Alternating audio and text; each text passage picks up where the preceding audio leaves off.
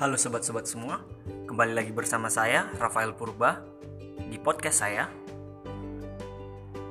Pada podcast kali ini saya ingin membahas mengenai janji saya yang sebelumnya, yaitu uh, berupa penjelasan uh, dan deskripsi tentang uh, buku The 4DX yang eksekusi disiplin, bagaimana strategi untuk mengeksekusi strategi strategi untuk mengeksekusi sebuah uh, strategi atau program atau target.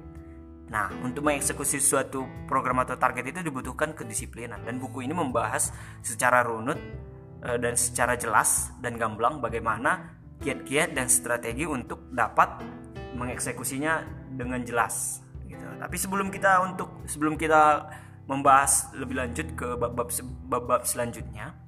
Nah, di sini kita membahas dulu nih apa yang merupakan uh, tantangan kita dalam melakukan eksekusi terhadap suatu plan atau rencana kita. Musuh, musuh eksekusi yang sebenarnya secara natural adalah uh, sebenarnya adalah rutinitas keseharian kita yang sangat penting, yaitu tantang tantangan eksekusi yang sebenarnya itu adalah rutinitas kita sehari-hari atau pekerjaan kita. Nah, tapi pada dasarnya uh, tantangan tantangan atau rutinitas rutinitas tersebut penting bukan? Untuk bagaimana supaya kita dapat bertahan di dalam keseharian kita misalnya dalam pekerjaan kita dalam uh, rutinitas kita. Itu sangat-sangat dibutuhkan untuk dapat memperjelas eksistensi kita di dalam uh, pekerjaan dan keseharian kita. Namun pada dasarnya berdasarkan buku ini musuh eksekusi suatu program atau target justru adalah rutinitas itu sendiri Nah, di buku ini disebut e, tantangan eksekusi itu merupakan disebut e, namanya whirlwind atau kalau di bahasa kita itu di bahasa Indonesia kan itu mungkin badai topan kali ya. Namanya badai topan badai topan rutinitas. Nah, justru tantangan eksekusi itu merupakan badai topan rutinitas. Artinya, jika kita sudah merencanakan sesuatu, kita harus bersiap mempersiapkan diri untuk menghadapi tantangan e, tantangan kita untuk menjalankan mengeksekusikan rencana target baru kita itu harus bersiap-siap untuk berhadapan dengan topan rutinitas kita sendiri. Nanti di akhir podcast saya akan mencoba memberikan uh, contoh real gamblang bagaimana deskripsi dari badai topan rutinitas ini. Sehingga itu merupakan suatu tantangan dari eksekusi. Jika kita telah lebih lanjut, uh, whirlwind atau badai topan rutinitas itu sendiri bersifatnya sangat mendesak. Sifatnya sangat mendesak. Artinya eh, jika kita tidak menjalankannya mungkin eh, apa yang kita lakukan sekarang ini akan terhenti atau mungkin tidak berjalan atau atau mungkin eh, akan segera mati dalam tanda kutip. Nah namun kalau misalnya kita tidak menjalankan uh, target kita atau tidak kita men, tidak mengeksekusi target kita untuk dapat maju kita bagaikan berdiri tegak di tengah badai namun tidak maju sedikit pun gitu. Nah ciri-cirinya yang paling gamblang adalah uh, baga- pernah nggak kita merasakan uh, kita membuat suatu komitmen nih kita membuat suatu komitmen untuk dapat mengeksekusi suatu target suatu pekerjaan atau suatu uh, rencana kita yang sangat kita inginkan. Misalkan uh, ingin diet gitu misalnya ingin menurunkan berat badan wah kita berkomitmen nih dalam suatu waktu. Saya akan ingin saya ingin menurunkan berat badan uh, untuk dapat tampil lebih percaya diri misalnya.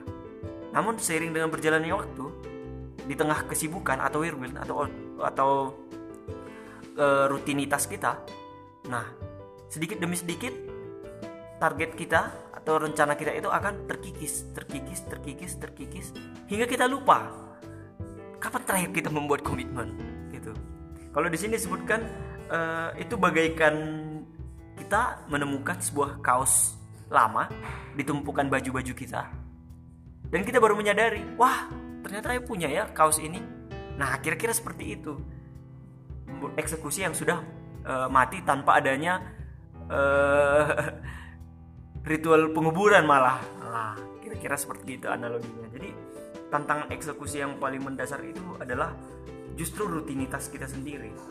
Nah, sekarang permasalahannya kalau kita tanpa uh, kalau kita kan tadi udah sepakat nih rutinitas badai rutinitas atau whirlwind itu merupakan sesuatu yang sangat penting Kenapa penting? Karena inilah yang menghidupkan suatu organisasi, inilah yang menghidupkan pekerjaan Anda, ini yang menghidupkan uh, kegiatan kita. Nah, jadi tanpa win-win, justru apa yang kita lakukan itu langsung uh, musnah gitu. Misalkan saja ya, uh, kita mau diet ya kayak yang tadi ya mau diet. Tapi kita, kita punya pekerjaan. Nah, kalau kita fokus, kalau kita langsung langsung menjalankan uh, eksekusi diet tanpa bekerja ya pendapatan kita dari mana dong kira-kira seperti itu jadi tanpa win-win juga sebenarnya tidak baik gitu nah sekarang lebih difokuskan nih tantangannya adalah bagaimana mengeksekusi hal-hal penting atau mengeksekusi uh, plan atau target kita di tengah-tengah win-win atau di tengah-tengah badai badai rutinitas nah sudah dikerucutkan nih bagaimana caranya saya ulangi sekali lagi ya, bagaimana caranya mengeksekusi hal-hal penting yang menjadi target kita di tengah-tengah hal yang mendesak. Nah, gitu. Jadi sebenarnya win-win ini bukan cuma dalam suatu waktu ya. Jadi itu setiap waktu, setiap waktu kita akan dihantam badai rutinitas, dihantam badai rutinitas. Misalkan uh, kita sudah menargetkan sesuatu nih untuk minggu ini, tiba-tiba di, dihantam deadline pekerjaan, dihantam uh, kunjungan ke rumah kerabat yang gak bisa ditunda dihantam ke uh, tar, uh, di, dihantam untuk mem, mem, memperoleh pemasukan tambahan untuk membayar cicilan misalnya.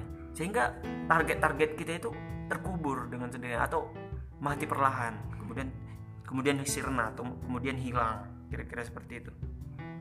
Sehingga sehingga ketika eksekusi kita atau e, target kita itu sudah sirna maka yang terjadi adalah energi kita akan habis untuk hal-hal itu itu saja energi kita akan habis untuk rutinitas rutinitas kita saja. Hari demi hari waktu demi waktu bulan demi bulan tahun demi tahun. Tanpa kita sadari ternyata kita hanya di situ jalan di tempat. Tidak maju. Kira-kira seperti itu. Nah jadi apa yang harus kita lakukan adalah seperti tantangan yang saya sebutkan sebelumnya bagaimana mengeksekusi hal-hal penting berfokus di eksekusi hal, hal penting di tengah-tengah hal yang mendesak di tengah-tengah badai rutinitas setiap hari kita akan terus di, ditampar kita akan terus dihantam oleh badai rutinitas. Nah sekarang pertanyaannya dan tentunya inti dari kesusahan dari buku ini adalah bagaimana kita dapat bertahan? Setiap hari dihantam dihantam dihantam tapi masih tetap menjalankan eksekusi itu. Makanya di podcast saya sebelumnya saya menjelaskan bahwa uh, eh, WIG atau widely important goals yang baik itu adalah cukup satu saja atau paling maksimum dua sehingga menjadi suatu suatu kebiasaan gitu. eksekusi itu disiplin itu sehingga menjadi suatu kebiasaan satu saja dulu. Yang paling penting yang paling uh, yang paling menjadi core atau inti dari target kita yang ingin kita capai dalam tahun ini misalnya. Cukup itu saja di tengah-tengah whirlwind karena dengan semakin banyaknya WIG dengan semakin banyak widely important goals atau target kita tentu saja akan semakin mudah bagi whirlwind atau bagi badai topan rutinitas untuk menghantam dan menguburnya akan lebih mudah. Jadi cukup untuk satu saja atau paling maksimum dua. Paling maksimum dua. Nah seperti itu. Sehingga uh, eksekusi kita itu masih tetap berjalan. Masih tetap berjalan. Sedikit demi sedikit sedikit demi sedikit di tengah badai. Dihantam bangkit dihantam bangkit. Dihantam masih tetap melakukan eksekusi.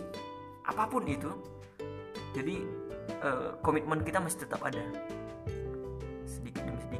tetap dipertahankan. Sehingga satu waktu kita merasakan wah ternyata di tengah badai saya udah bisa berjalan sejauh ini ya. Kira-kira seperti itu. Artinya kita tidak mempunyai banyak alasan untuk tidak melakukan eksekusi. Karena itu yang menentukan maju atau tidaknya kita. Yang menentukan bertahan atau tidaknya kita tentu saja will win. Tapi yang menentukan maju atau tidaknya kita adalah badai eksekusi uh, adalah eksekusi tadi eksekusi disiplin eksekusi tadi kira-kira seperti itu. Nah jadi uh, hal ini hal ini bisa saya sampaikan di dalam contoh ya dalam salah satu contoh yang dijelaskan di buku ini. Menurut saya buku ini sangat-sangat bagus. Anda bisa uh, mencarinya di berbagai toko buku untuk lebih mendetailnya ya. Tapi saya coba mendeskripsikan sesuai dengan bahasa saya. Uh, di sini dijelaskan suatu contoh ya. Contoh di mana? Di dalam suatu sekolah SMA uh, si subjeknya ini merupakan ketua komunitas, ketua dewan komunitas. Nah, jadi uh, mereka ini menetapkan sasaran bagaimana meningkatkan nilai ujian siswa-siswa mereka. Sasarannya itu bagaimana meningkatkan taraf kualitas nilai ujian siswa-siswa mereka, sehingga dia menugaskan untuk mengorientasikan uh, sasaran ini kepada guru-guru, pada guru-guru di SMA tersebut. Jadi mereka, jadi si ketua dewan ini membuat janji gitu, janji temu kepada guru-guru dan menjelaskan target ini dan menjelaskan apa yang harus dilakukan. Nah, pada hal per, pada hari pertemuan eh, para guru-guru ini seolah-olah tidak mendengarkan gitu seolah-olah ya ya cuman manggut-manggut ya ya mengikuti apa yang dipresentasikan si ketua dewan ini nah di sini dia mulai menyadari nih si ketua dewan mulai menyadari alasannya. Karena para guru-guru sendiri para guru-guru itu sendiri sedang sedang bertahan di tengah-tengah badai topan rutinitas mereka sendiri. Boro-boro untuk memikirkan target peningkatan kualitas nilai ujian. Pada padahal mereka itu sedang berkutat di badai mereka sendiri di mana di depan meja di atas meja kerja mereka di kantor guru terdapat ribuan kertas terdapat ribuan kertas yang harus mereka periksa. Tugas-tugas esai yang mereka berikan ditambah lagi uh, ia harus menghadiri konferensi para orang tua murid dan merencanakan pelajaran di hari berikutnya. Belum lagi uh, memikirkan perilaku siswa-siswa yang berulah mungkin dan lain sebagainya. Sehingga ia tampak sehingga para para guru-guru itu tampak tak berdaya ketika ketika si ketua dewan itu terus mengoceh tentang target target dan target dan bagaimana mungkin dia bisa menampung perkataan-perkataan itu di tengah-tengah badai itu? Sehingga sepulang dari uh, sepulang dari pertemuan atau sepulang dari uh, rapat itu mungkin para guru kembali ke rutinitas masing-masing tanpa menyadari matinya target yang untuk memajukan si kualitas si itu sendiri. Kira-kira seperti itu nah itu merupakan salah satu contoh si eksekusi atau target kita itu tidak tercapai perlahan di tengah-tengah badai rutinitas sehingga poin dari uh, permasalahan dari yang coba dipecahkan oleh si adalah bagaimana kita mengeksekusi hal-hal penting di tengah-tengah hal yang mendesak. Nah ini berulang kali saya ini ya, saya ulang ya. Karena memang intinya adalah itu, fokusnya adalah itu, mengeksekusi hal-hal penting yang menjadi target kita di tengah-tengah badai rutinitas.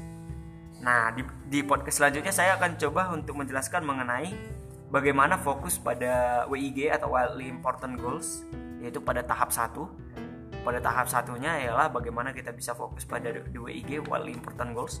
Kemudian pada tahap yang selanjutnya bagaimana kita bertindak pada lead measure. Nanti selanjutnya akan saya jelaskan apa itu lead measures. Kemudian eh, bagaimana membuat suatu pada tahap selanjutnya bagaimana membuat suatu scoreboard atau papan skor yang memotivasi sehingga semua orang bekerja eh, berdasarkan tim dan termotivasi untuk uh, melakukan target tersebut setiap hari, setiap hari. Sehingga bisa dicek juga sudah sampai mana pencapaiannya, sudah berjalan sejauh mana sasarannya, kira-kira seperti itu. Kemudian tahapan yang terakhir yaitu menciptakan irama akuntabilitas. Nah, di podcast selanjutnya saya akan coba bahas secara mendetail masing-masing bab tersebut. Untuk kali ini uh, cukup sekian dulu podcast dari saya. Saya Rafael Purba. Tetap semangat.